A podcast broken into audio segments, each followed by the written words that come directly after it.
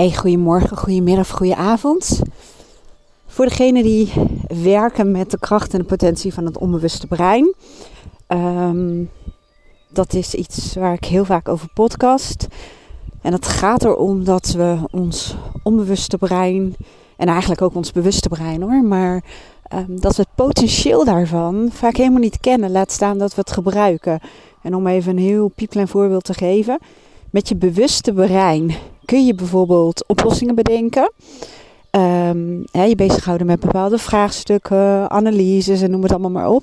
Maar vaak doen we dat nadenken over ja, problemen, oplossingen, vaak vanuit wat we al weten, vanuit het bestaande en soms ook het combineren van bestaande informatie om zo tot een oplossing te komen. Maar um, heel vaak draai je dan in kringetjes. Of je komt er niet helemaal uit. Of um, ja, de oplossingen die liggen een beetje in het verlengde van wat je al wist, zullen we maar zeggen. En wat ik dan vaak doe met mijn klanten, dat doe ik zowel in mijn praktijk als in mijn academy. Ik leer ze hoe ze met het bewuste brein, het onbewuste brein, als het ware aan het werk kunnen zetten. Een van de uh, methodieken die je kunt gebruiken is je denkkracht te zetten of te besteden aan het formuleren van de juiste vraag. En niet één vraag, maar dat je gaat variëren op uh, een bepaalde vraag. Dus ik ga dan oefenen van wat is je vraag? Waar wil je antwoord op hebben? Of waarvoor wil je een oplossing hebben? En dit is ook meteen een van de moeilijkste dingen. En ik zeg ook heel vaak, dat blijft ook zo.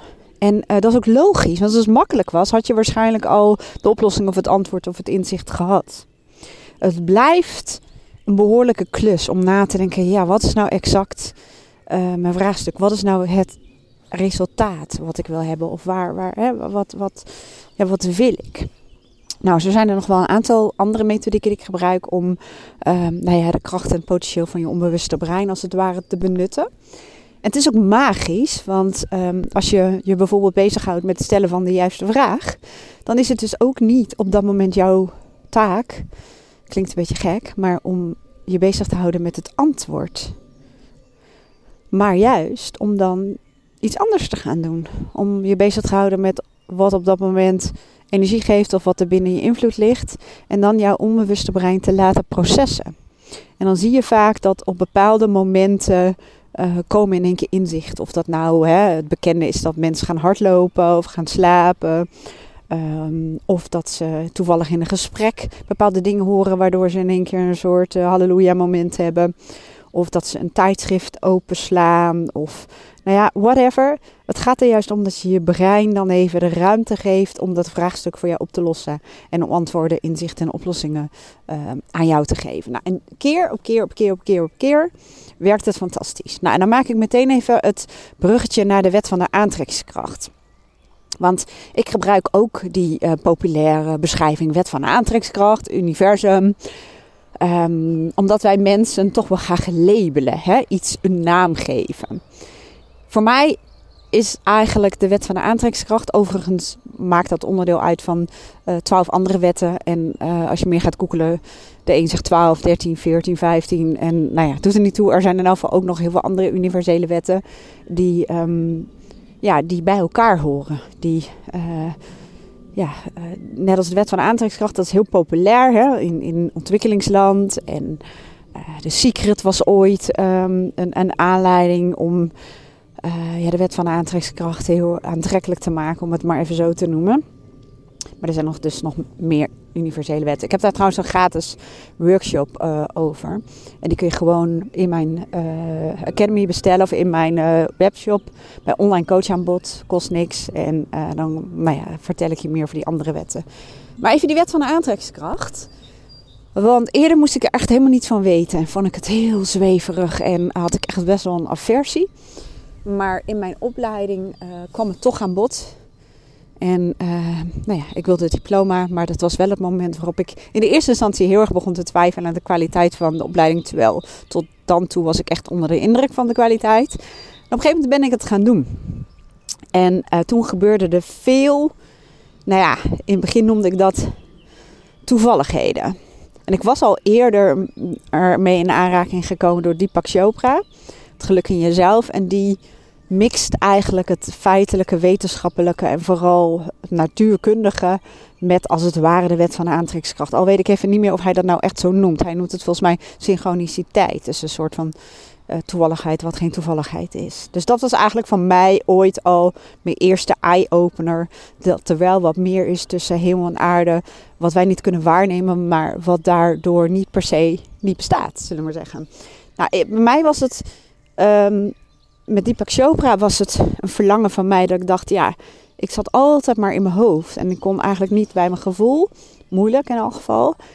En ik merkte dat sommige vraagstukken, die kon ik gewoon niet oplossen met mijn hoofd. En dat zorgde voor heel veel gepieker en denken, denken, denken. En ik had dan ook nog heel erg de hang om controle te willen hebben. En door het werk van Deepak Chopra begon ik meer open te staan voor, ja, hulp. Voor inzichten, voor, ja, hoe zal ik het noemen? Ik denk dat ik het vertrouwen zou noemen. Dus dat was voor mij iets wat toen al echt voor een kentering in beleven zorgde. Toen ben ik daar ook mee gaan experimenteren. Maar in mijn opleiding, dat was het moment waarop ik er echt de aandacht en de focus voor kreeg. Nou, voor mij is de wet van aantrekkingskracht of het universum is eigenlijk gewoon een soort verzamelnaam, een containerbegrip voor alles in mijn ogen wat met elkaar verbonden is. Ehm, dingen die niet uh, tastbaar of meetbaar zijn. Nou, meetbaar is misschien nog wel het verkeerde woord. Maar in elk geval, stel dat je bezig bent geweest met het stellen van de juiste vragen en je onbewuste brein aan het werk hebt gezet.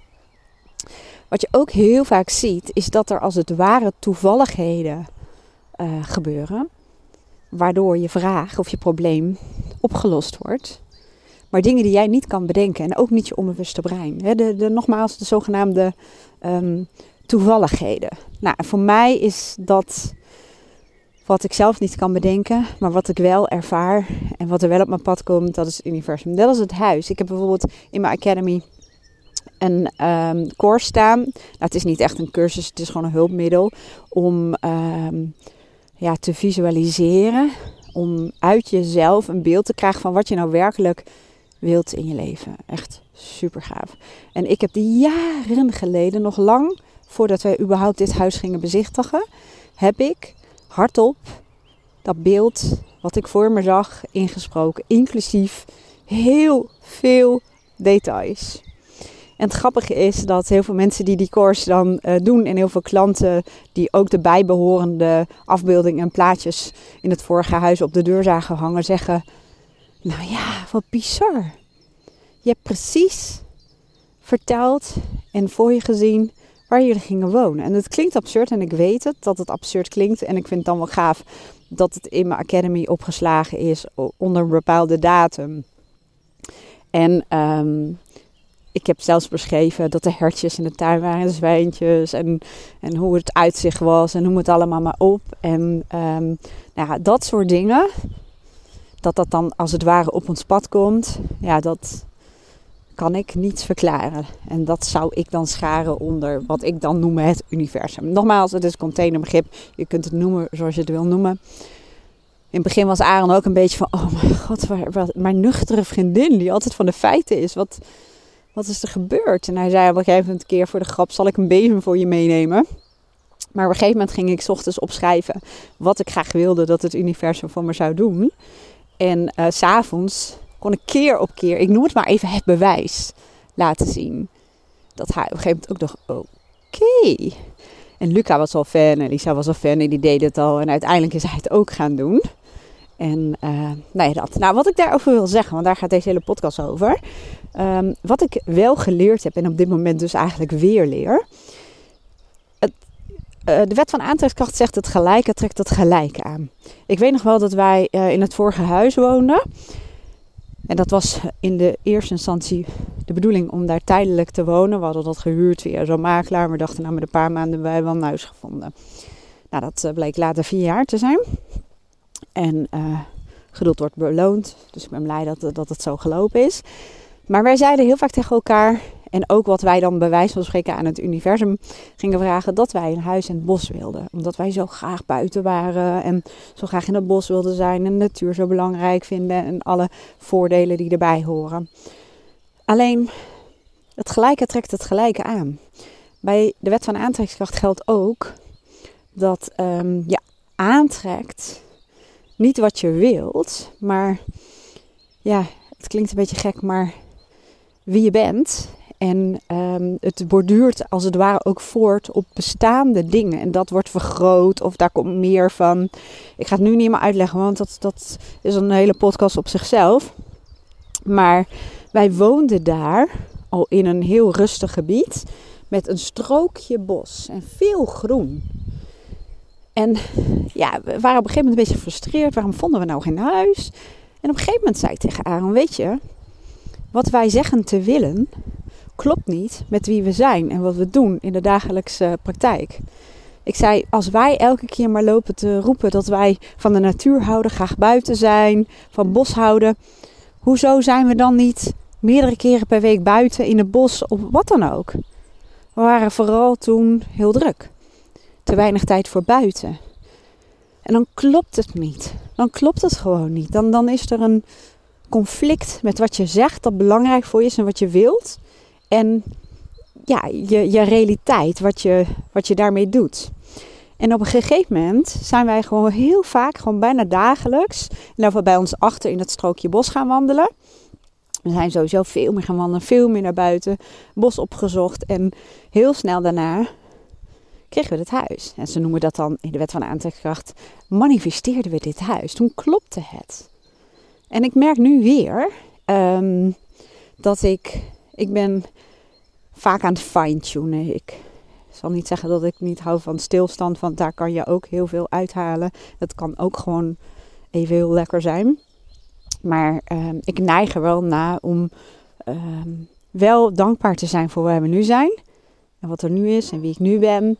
Maar van het daar ook weer te willen groeien. En in mijn leven is um, vrijheid, en daarmee bedoel ik uh, vrijheid is nogal ook weer zo'n containerbegrip, maar, begrip, maar ook vooral de tijd en de ruimte. En ruimte is meer zoiets van um, Kijk, ik kan drie uur tussen een paar sessies hebben. Ehm, maar voor mij is dat niet uh, de tijd. Uh, of de, dan voel ik ook, dan heb ik wel de tijd. Heb ik drie uur lang om bijvoorbeeld, weet ik veel wat, een podcast op te nemen of whatever. Of even op pad te gaan. Maar voor mij is dat niet, voelt niet als ruimte. Zo'n zo'n tijdvak van drie uur tussen sessies door tussen afspraken door. Dus voor mij is tijd en ruimte Nogmaals, die twee horen in feite wel bij elkaar. Het is heel belangrijk om een gevoel van vrijheid te ervaren. Um, maar ik kom dan ook het best op mijn recht. En dan ben ik het meest creatief. En dan voel ik het meest uh, ja, de spontaniteit, de vrijheid, het avontuur, noem het maar op. En dat is iets waar ik nog steeds mee aan het fine-tunen ben. Het is al eigenlijk hartstikke goed. Maar ik voel, daar ligt nog wel meer potentieel. Maar ik schrijf dan ook op dat ik um, nog meer de tijd en ruimte en meer maak ik wel specifieker, want daar kan sowieso je onbewuste brein echt helemaal niets mee. Laat staan het universum. En um, dan krijg ik ook vervolgvragen als: wat ga je dan doen met die tijd en ruimte? Waarom is dat zo belangrijk voor je? Wat verandert er dan in je leven? Nou, en ik schreef dan ook dingen op zoals: um, dan kan ik lekker in de tuin en in het huis bezig. Ik hou daarvan. we hebben uh, in huis, uh, het huis van binnen en buiten laten schilderen. En uh, ik heb boven een aantal dingen voor mezelf gelaten, omdat ik ook heel erg hou van schilderen. En nou ja, dat soort dingen zou ik graag willen doen, maar ook lekker even ja, de auto wassen, ramen wassen, in de tuin bezig. En ik zeg dus elke keer, of ik schrijf het op, dat ik onder andere daarvoor meer tijd en ruimte wil hebben. En ook om dat op een manier te doen dat ik niet op de tijd hoef te letten, maar gewoon lekker in mijn elementje, lekker in een flow kan komen. Nou, en nu heb ik deze week een soort semi-vakantieweek. Luca is de hele week vrij. Ik had uh, mijn agenda al behalve vrijdag dan uh, vrijgehouden. Uh, we gingen niet weg. Dus Aaron zei, nou ik ga gewoon halve dagen werken. En ik ga dan ook halve dagen werken. Maar ik heb dus nu tijd en ruimte. Want ik heb behalve vrijdag geen sessies. Dus ik kan mijn agenda indelen zoals ik dat wil. En dat is dus weer het grappige. Want de afgelopen dagen, we zijn wel lekker op pad geweest en alles hoor. Dus ik heb dat wel gedaan. Alleen ten aanzien van de dingen waarvan ik zei uh, dat ik tijd en ruimte nodig had om lekker in een huis, uh, in en om het huis bezig te zijn. Dat deed ik niet. Wat ging ik daar in plaats van doen? Ik heb echt nog zo ongelooflijk veel podcasts. Ik ging editen, podcast uitzoeken, werken. Ik heb nog heel veel WhatsAppjes, nog administratieve dingen om te doen. Kortom, ik ging werken. En dan is er dus eigenlijk weer een conflict. Dan zeg je dat iets heel belangrijk voor je is. Dat je daar echt naar verlangt. Dat je daar behoefte aan hebt. En dat je dat wil. Dat je wil dat dat opgelost wordt. Dat je meer tijd en ruimte hebt voor lekker in de tuin en in huis bezig. En dan krijg je die tijd. Hè, dan manifesteer je dat. Of dat nou is met je onbewuste brein. Of dat het nou is dat het voor jou wordt gecreëerd. En wat bedoel ik met het laatste? Even klein uitstapje, maar voorbeeld. Um, collega-ondernemer en uh, vrienden van ons. Die man die zei een keer... Oh, ik zou zo graag even een weekje vrij willen hebben. Nou, en echt, uh, hij is, um, ja, moet ik zeggen, hij is trainer, verschillende opdrachtgevers. En het klinkt heel onwerkelijk, maar het gebeurde wel. Op een gegeven moment waren al zijn afspraken in een week afgezegd. Nogmaals, ik weet, het klinkt soms onwerkelijk, maar het was gewoon zo. En toen zei hij: Ja, oké, nou ben ik de hele week vrij, maar ik heb geen inkomen. dus um, ik weet helemaal niet hoe kwam ik hierop, uitstapje. Uh, oh ja, ja, soms vraag je iets en dan krijg je het, maar niet zoals je het wilde. Want hij kon niet echt genieten van die week, omdat hij vanwege corona en dergelijke al behoorlijke financiële klappen had gehad.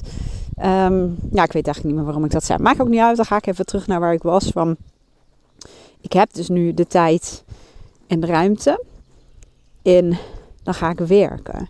En dat is dus een conflict voor je onbewuste brein. Oh ja, dat was het. Dat ik zei van, kijk, dit is nu zoiets het onbewuste brein of je bewuste brein had natuurlijk niet kunnen bedenken.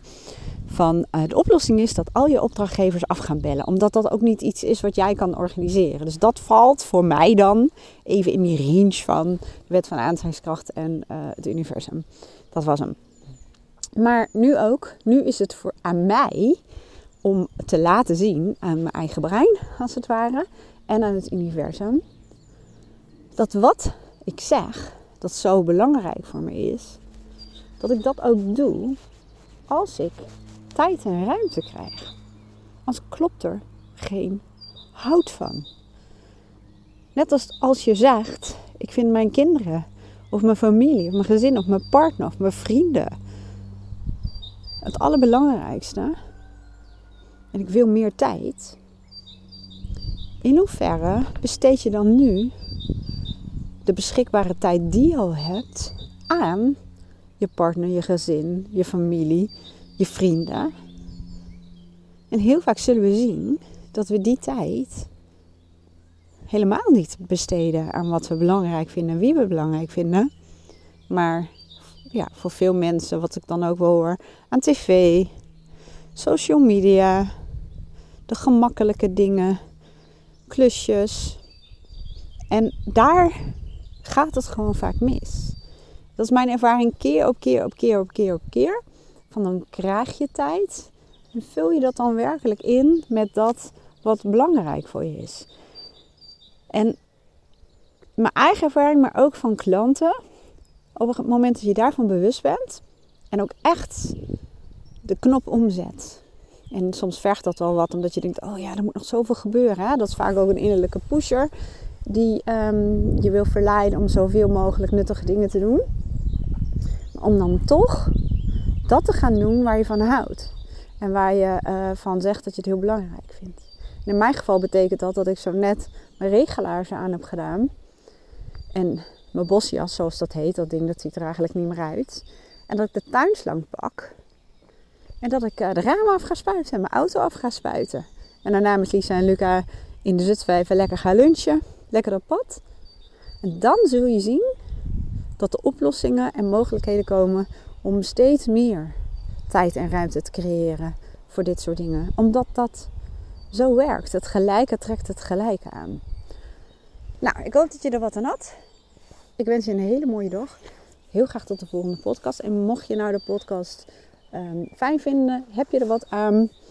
Ik word heel blij van een uh, review en dan het liefst een openbaar review. Ik krijg heel veel uh, DM's en, en, mailtjes en uh, appjes van mensen privé wat ze aan mijn podcast hebben, wat ik enorm waardeer. Maar voor mijn positie binnen de, hoe zeg ik dat, de charge in Nederland helpt het ook.